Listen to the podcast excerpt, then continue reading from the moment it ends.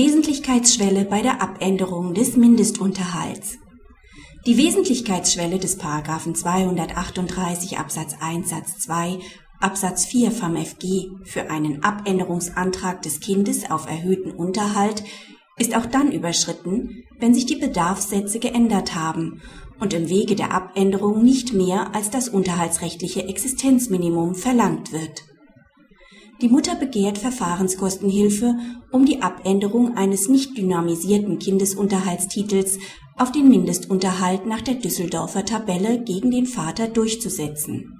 Auf die sofortige Beschwerde der Mutter wird der Beschluss des Amtsgerichts abgeändert und Verfahrenskostenhilfe bewilligt.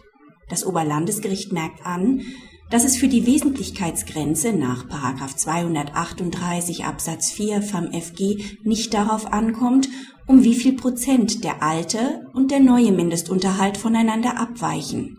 Jeder Mehrbetrag, im konkreten Fall sieben Prozent, rechtfertigt die Abänderung.